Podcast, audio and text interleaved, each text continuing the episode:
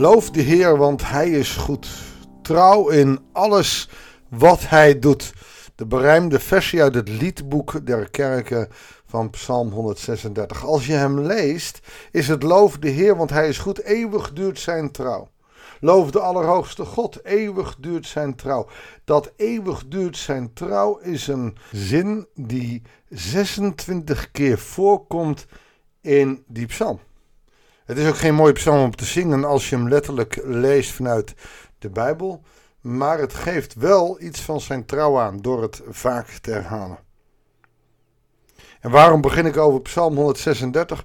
Omdat dat in opdracht aan Jeremia wordt gezegd en wordt gesproken dat dat lied gezongen moet worden.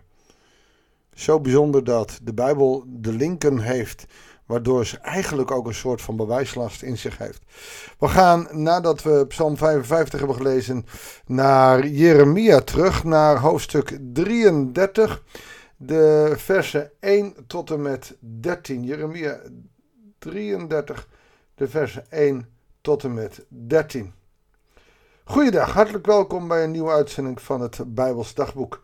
Fijn dat je weer betrokken bent. We gaan lezen en we gaan door met Jeremia.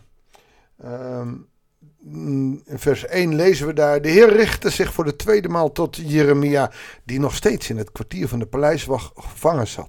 Dus een groot deel van de profetieën die we horen van Jeremia is in de periode dat hij uh, gevangen zat. En waar zien we dat nog meer? Dat zien we bij Paulus. Paulus schrijft vanuit zijn gevangenschap ook brieven. A, omdat die gevangenschap niet is solitaire opsluiting. Uh, Jeremia zat hier met een groepje in de wacht, uh, in het kwartier van de paleiswacht. Uh, aan de andere kant ook weer niet vrij om te gaan en staan wat je wil. Maar je kon wel mensen ontvangen en die kon je ook brieven meegeven. Je zou ook kunnen zeggen, Jeremia had de tijd in ieder geval om een brief te schrijven. Maar hij was niet vrij.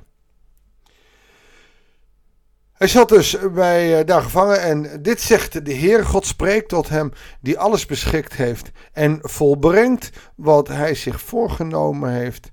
Wiens naam is Yahweh de Heer. Roep mij aan en ik zal je antwoorden. Ik zal je grote en wonderlijke dingen bekendmaken, dingen die je volkomen onbekend zijn. Dat zegt hij tegen Jeremia. Dit zegt de Heer, de God van Israël, over de huizen van deze stad en het paleis van de koning van Juda, die wordt afgebroken om een bolwerk op te werpen tegen de bestormingsdammen en het aanvalsgeweld.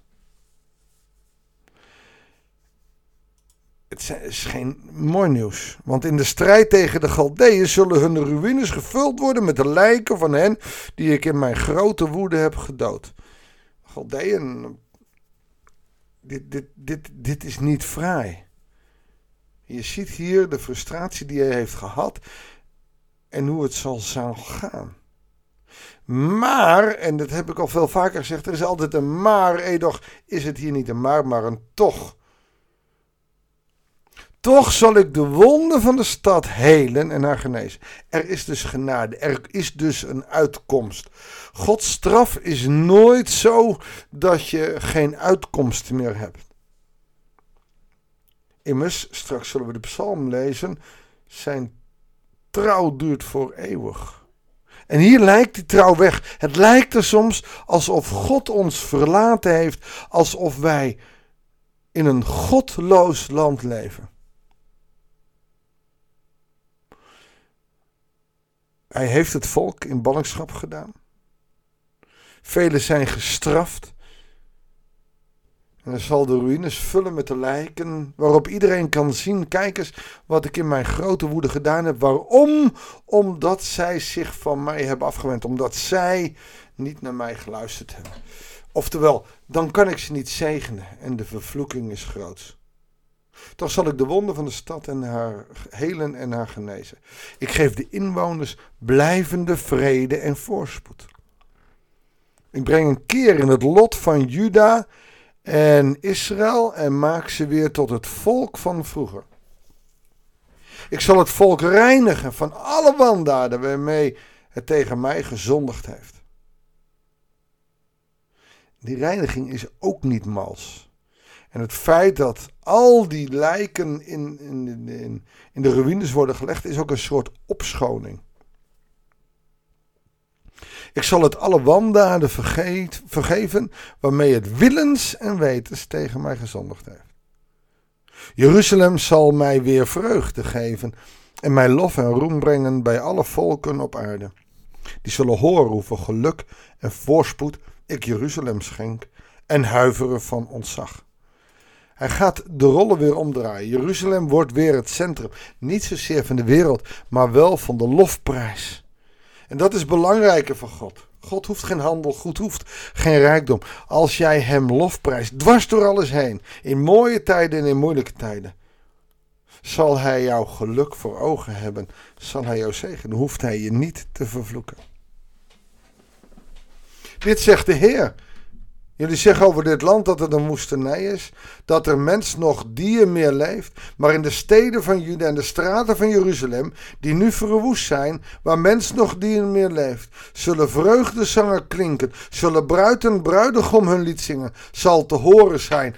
Loof de Heer van de hemelse machten, want hij is goed, eeuwig duurt zijn trouw. En dat is de psalm die uh, we net waar ik mee begon. Dat is een psalm die zal klinken in die, ja, hoe zal ik het zeggen, in die leeggelopen stad, in die stad zonder hoop. Psalm 139. Eeuwig duurt zijn trouw, dat zal telkens doorklinken. Want ik keer het lot van Juda ten goede en maak het weer als vroeger. God zal alles medewerken ten goede. Ook als hij straf geeft, zal hij een inkeer komen, zal er een inkeer komen en hij zal het weer zegenen. Dat is genade. Dit zegt de Heer van de hemelse macht. Er zullen in dit verwoeste land, waar mensen nog diemen leven, rond alle steden weiden.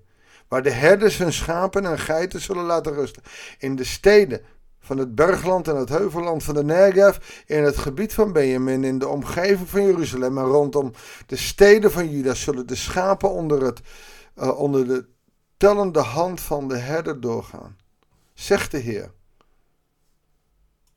Nou, je ziet het natuurlijk ook als Jezus wordt geboren, dan verschijnen de engelen ook aan de herders. Het is dus ook gewoon gebeurd.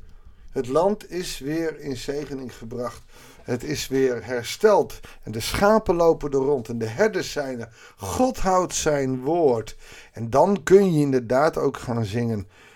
Loof de Heer, want Hij is goed. Eeuwig duurt zijn trouw. Loof de Allerhoogste God, eeuwig duurt zijn trouw.